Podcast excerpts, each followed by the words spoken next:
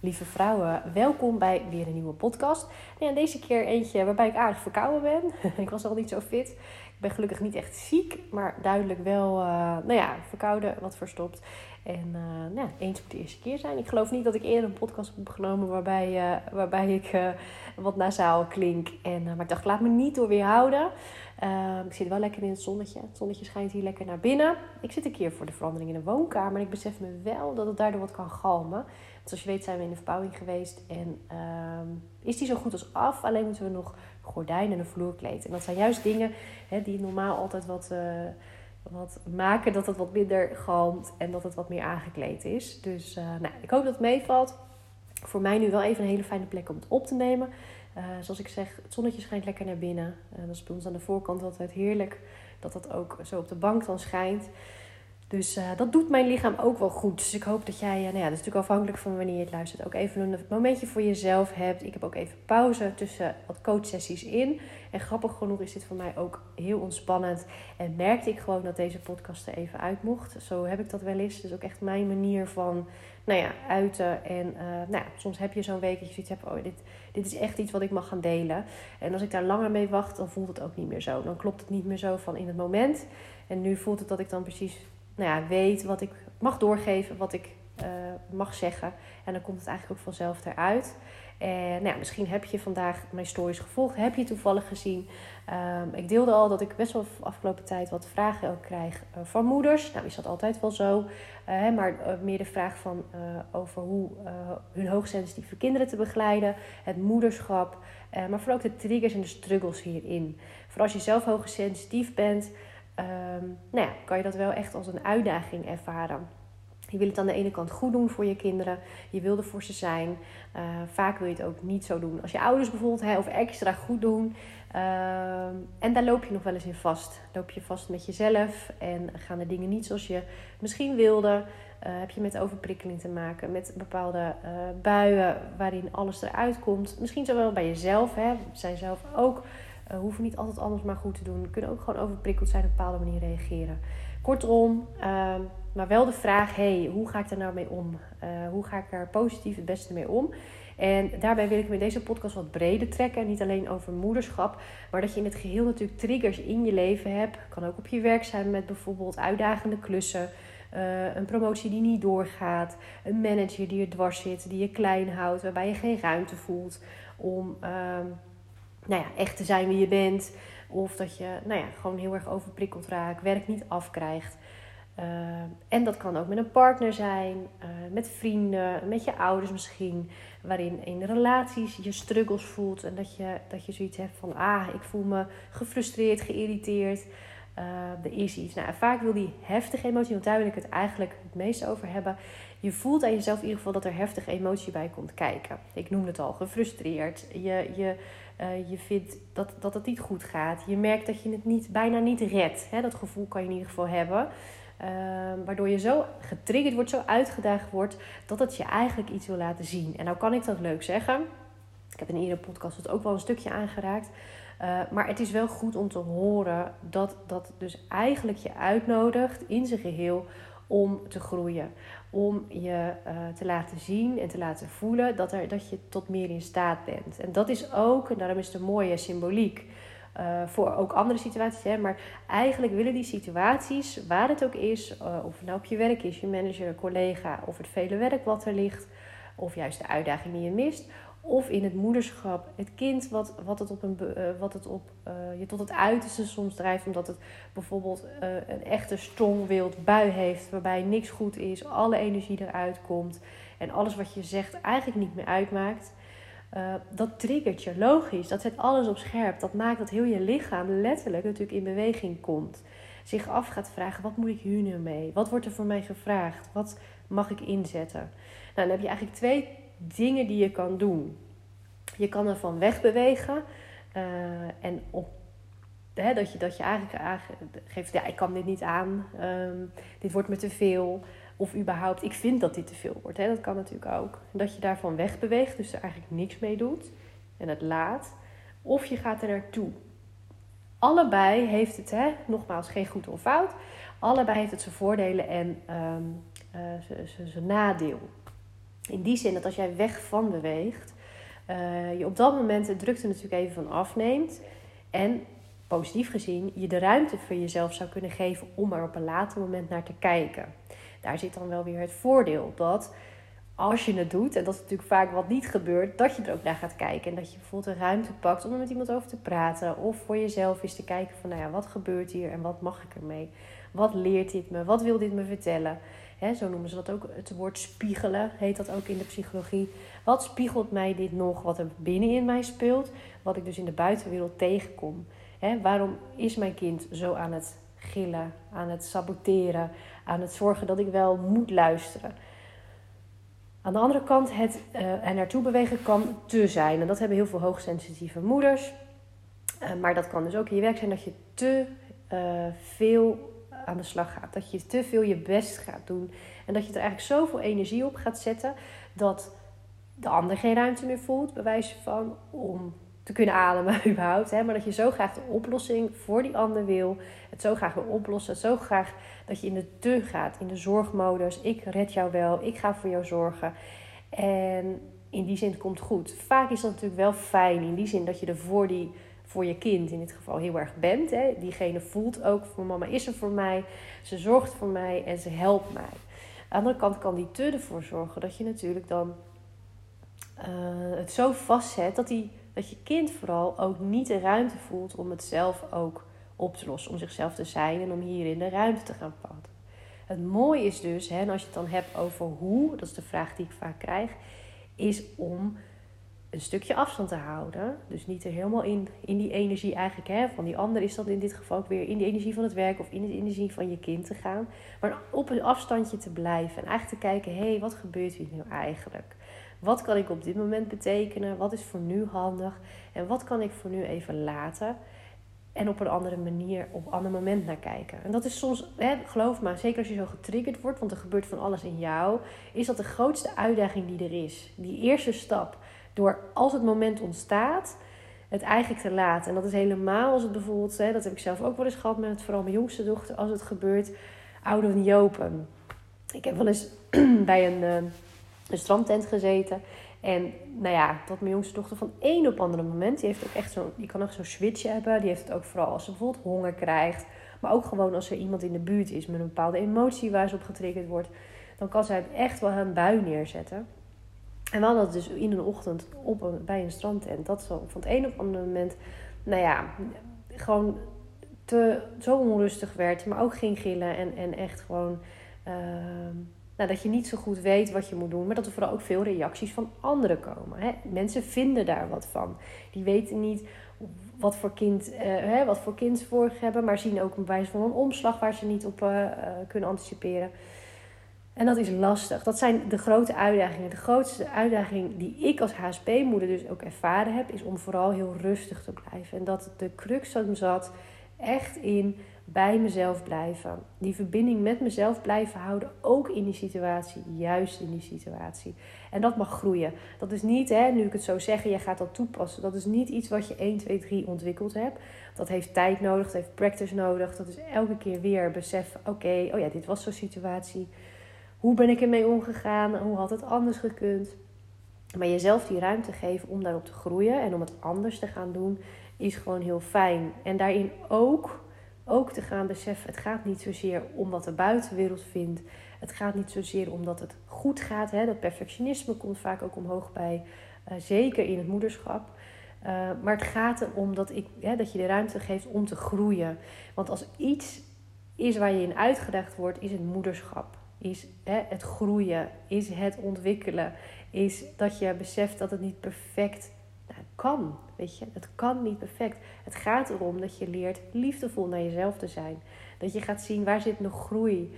Hoe kunnen we met elkaar groeien? Hoe kunnen we met elkaar bewegen? ze hebben een ander karakter. Je zit in een systeem met het gezin. Dus de grootste uitdaging voor moederschap is om echt die groei te zien. Om die ruimte voor jezelf vooral ook te creëren tegelijkertijd echt een goede moeder te zijn, maar toch ook beseft: hé, hey, het mag ook om mij gaan. Ik, het is in mijn ontwikkeling. En vaak is het ook als jij groeit, als jij aan de slag gaat met die innerlijke wereld, hè, dat je gaat beseffen: oh, maar dat, dat raakt mij nog. Dat is nog Dat is nog mijn struggle. Dat is nog mijn trigger.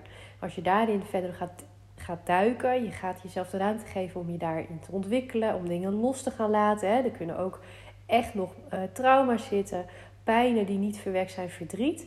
Ja, en heel eerlijk, hoogsensitieve kinderen voelen alles aan.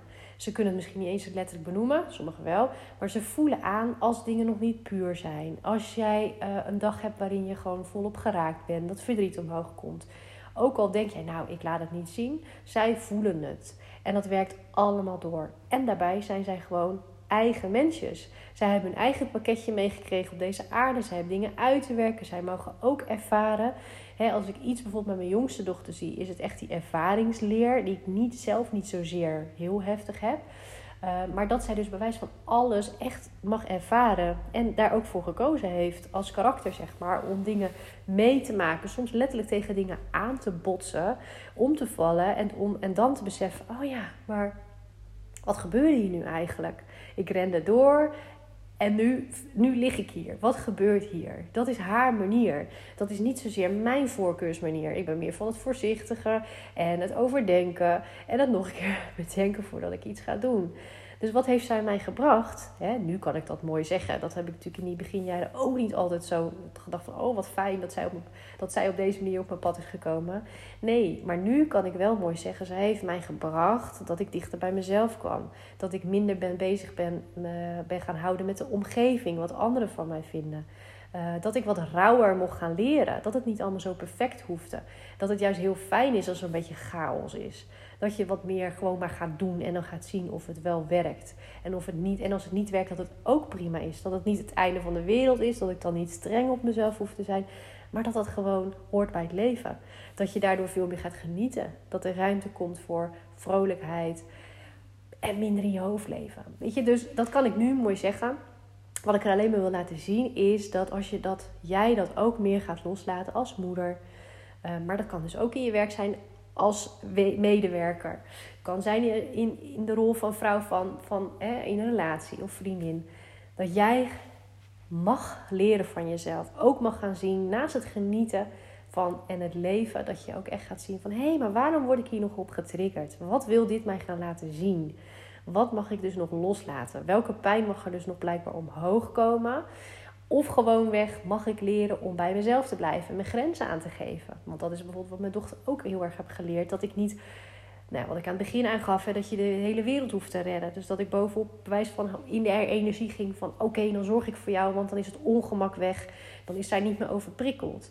Voor een deel, ja, is dat nog steeds goed. Ook nu nog, nu ze wat ouder is, dat ik dat uh, mag doen. Maar ik heb ook geleerd dat zij alle ruimte mag hebben om het ook zelf te leren. Op haar eigen benen staan. En zelfs in als ze ongemak ervaart, dat ze ook mag leren wat, hoe dat ontstaan is. En dat ze dat dus ook zelf mag oppakken om daarmee om te gaan. En, ehm, en dan is het zo'n gaaf rol, vind ik. En dat kan je ook, dat kan je als je je kinderen wat jonger zijn, maar zeker als ze wat ouder worden. Dat jij ze wel mag begeleiden en dingen mee kan geven. Als in hè, hoe ga je met emoties bijvoorbeeld om? En dat kan je ze letterlijk vertellen. Van het mag er zijn, laat het even zijn. Hè, maar vervolgens wel kijken van hoe, hoe kan je dan verder daarmee gaan? Hoe kan je liefdevol het oppakken en doorgaan? Maar kan ook op andere manieren. Zo heb ik gisteren bijvoorbeeld een meditatie opgenomen. Gewoon met de speaker, zoals ik ook mijn podcast opneem. Uh, meditatie voor, voor het slapen gaan. Waarin de jongens het gewoon lastig vinden om soms nog in slaap te komen. Om alle prikkels van de dag uh, los te laten. En ik heb wel zo'n tip gegeven. Hè, vooral s'avonds, als de dag over is. Als alles een beetje landt. Om dan bijvoorbeeld voetjes te masseren uh, hè, met lavendelolie. De rust weer een beetje eh, terug te laten keren. En je zal ook merken, dat doe ik bij de ouders nog wel. Die houdt heel erg van lekker te knuffelen. Uh, om dan lekker in bed te gaan liggen bij haar en nog even lekker te knuffelen. En gewoon maar een beetje te kletsen. Er hoeft niet ergens over te gaan. En bij haar komt dan altijd heel mooi van alles nog van uit. Want ze is niet zo heel erg dat ze nou de, de aandacht op eist. Of dat ze uh, nou ja, dat ze zoiets heeft van ik moet nog van alles kwijt. Maar op het moment dat ik juist even een verbinding met haar opzoek en even lekker knuffel. Uh, en dat het nergens over hoeft te gaan. Ik vraag niet gericht dingen. Ik laat het er gewoon zijn. Dan gaat ze uit zichzelf vaak dingen vertellen. Uh, die wel heel erg van belang zijn, zeg maar. Of die, dat je voelt, hé, hey, dat is voor haar belangrijk om te uiten. Om het woorden te geven. En op die manier los te kunnen laten. Want dat is voor iedereen anders. Waarbij de jongste die woorden niet zozeer nodig heeft. die heeft veel meer aan verbinding met haar lichaam. En dat letterlijk de energie uit haar lijfje kan, dan kan stromen, prikkels van anderen. Dus bij haar helpt het masseren heel erg, het verbinden. Doordat ik haar masseer, verbindt zij zich, hè, voelt zij de verbinding met haar lijfje. Nou ze wordt groter. Ik heb ook niet altijd alle energie en tijd om haar elke keer te masseren. En we merkten dat dus meditaties voor haar ook werken. Uh, maar dat ze heel vaak stemmen niet fijn vond. Nou, ik heb natuurlijk wel gekeken van, nou, we kijken welke wel fijn is. Maar ik heb ook een meditatie voor haar opgenomen dat ze daarnaar kan luisteren. En die is er altijd. Ik hoef het niet elke keer opnieuw te doen. Dus die luistert ze nu elke dag. En voor mij ook fijn in die zin, omdat ik de valkuil, waar we het aan het begin over hadden, de valkuil heb om te te gaan doen, te veel voor ze op te willen lossen. Uh, is het voor mij dus een hele mooie manier om weer te beseffen met van, oh ja, nou dan stap ik nu een stukje achteruit. Dit heeft ze nu voor vanavond en dan is het ook voor nu weer even oké. Met daarbij natuurlijk, en daar komt een andere mooie en de belangrijkste is dat ik nog weer even naar mezelf mag kijken van, oh ja, wat kan ik dan nu zelf? Wat vraagt aandacht bij mij? ik mag ook gewoon even aandacht aan mijzelf geven. Want ik weet dat ik weer een leuke moeder word. Op het moment dat ik ook mijn energie weer klopt. Dat ik weer meer in balans ben. Ehm, en dat ik dus gewoon juist wel eventjes die momentjes voor mezelf mag hebben. Zoals een yoga weekend die ik geboekt heb. Maar ook gewoon natuurlijk s'avonds. Even een rondje lopen. Of nou ja, weet je, waar je blij van wordt. Even wat meer aandacht geven. En dat mag als moeder. Hè? Vaak vinden we dat dat nou ja, dat eerst die aandacht naar ons kind moet. En dat, dat zeker, maar je kan wel kijken in welke gradatie, met welke energie. Uh, en daarbij blijft, als jij laat zien, bijvoorbeeld als we dan hebben over hoe ga je met emoties om, hoe zorg je goed voor jezelf, hoe manage je het dat je er toch voor de, e, voor de ander bent, maar zeker in de eerste plaats nog altijd voor jezelf. Dat zien zij. Dat is het grootste voorbeeld wat ze van jou krijgen. Dus als jij voelt, ik ben getriggerd, ik word getriggerd enzovoort. En jij laat zien, hé, hey, dat mag er zijn. Het mag ook even overwelmen. Ik weet het even niet. Ik zie tegelijkertijd een kind die aandacht nodig heeft. Dat verlies ik ook niet uit het oog. Ik zorg dat hij even, diegene aandacht heeft, maar het mag ook even over mij gaan. En ik ga even kijken hoe ik goed voor mezelf kan zorgen. Hoe ik even verbinding met mezelf kan maken. En dat kan zijn, ik sprak pas een vrouw die zei: Ik vind het dan heerlijk om even te gaan koken en uh, oortjes in. En ik, hè, ik ben er echt wel, maar dat is even mijn momentje, want het moet ook even kunnen zakken. Je moet ook even uit die prikkel dan kunnen stappen en er voor jezelf kunnen zijn. Dus weet dat ook. Ja, en, en daaraan werken is natuurlijk ook waar vrouwen vaak uh, het coaching gaan volgen om omdat ze zich beseffen van hé, maar ik heb dit eigenlijk nooit echt geleerd om echt met mijn hoogsensitiviteit om te gaan.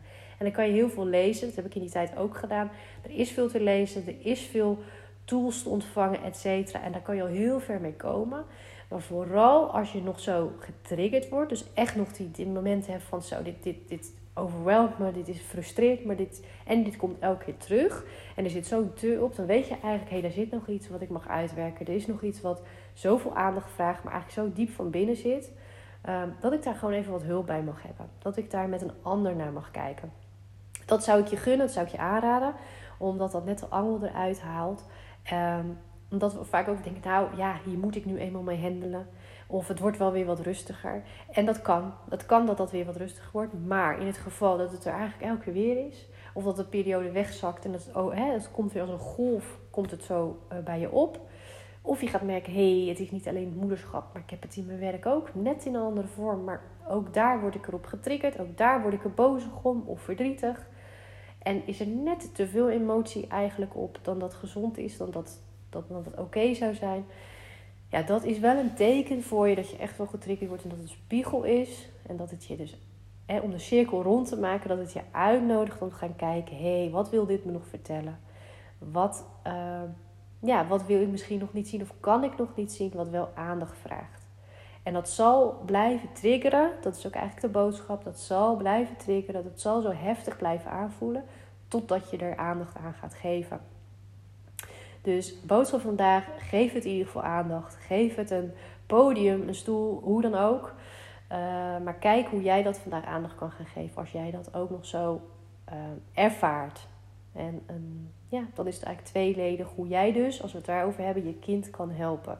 Door de A wel voor je kind te zijn, maar eens te kijken hoe kan het op die andere manier. Hoe kan ik net even wat anders begeleiden en ermee omgaan. En belangrijker misschien nog B, hey, wat vertelt het mij? Wat trilt er nog in mij? Waarom wordt het zo geraakt? En hebben we eigenlijk zo'n wisselwerking te pakken. En op het moment dat jij daar uitstapt en je gaat jezelf aandacht geven, ehm, dat dat de cirkel kan doorbreken. Dus nou, dit, dit mocht eruit. uh, ja, geen idee wie het mag horen. Uh, dat het mag zijn voor degene die, uh, dat jij het mag horen vandaag. Dat dit je net weer verder helpt. Dit een duwtje geeft. Of juist even verzacht. Want laten we vooral ook liefdevol hier naar zijn. En dat zeg ik altijd hè, met jezelf af en toe een duw geven. Tuurlijk, niet vanuit de strenge, strenge ik. Maar soms moet je vanuit je liefdevolle ik jezelf ook echt een duw geven. Van hé, hey, ik mag hier wat mee. Ik mag hem aan de slag. Ik ga hier iets mee doen, want anders blijft dit. En dan geef je het ook door weer aan je kinderen. En niet vanuit perfectie, absoluut niet. Maar omdat je voelt dat het zachter mag. Dat het, dat het liefdevoller mag naar jezelf. Dat die dingen niet weer doorgegeven hoeven worden in de lijn, in de familielijn. Maar dat die doorbroken mogen worden. En dat doe je voor jezelf en je doet het dus indirect ook voor kinderen, voor mensen in je omgeving. Um, want het werkt allemaal door. Dus ja, dat was die. Uh, het enige wat bij mij nog omhoog komt, heb jij daar nog specifieke vragen over? Laat me vooral weten. Ik kan altijd even met je meekijken.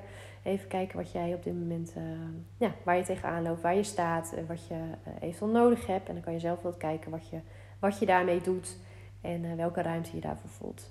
Dus nou, in ieder geval voor verder vandaag. Nou, ik hoop dus dat je het op een dag luistert dat het zonnetje ook schijnt. en anders haal die zon lekker in jezelf naar boven. Voel de warmte voor jezelf, de liefde voor jezelf. En dat is het allerbelangrijkste. Maak die verbinding en kijk hoe je jezelf verder kan helpen. En dat het, uh, dat het leven leuk is. En dat was hem. Dus heel veel liefs en tot bij een volgende podcast weer.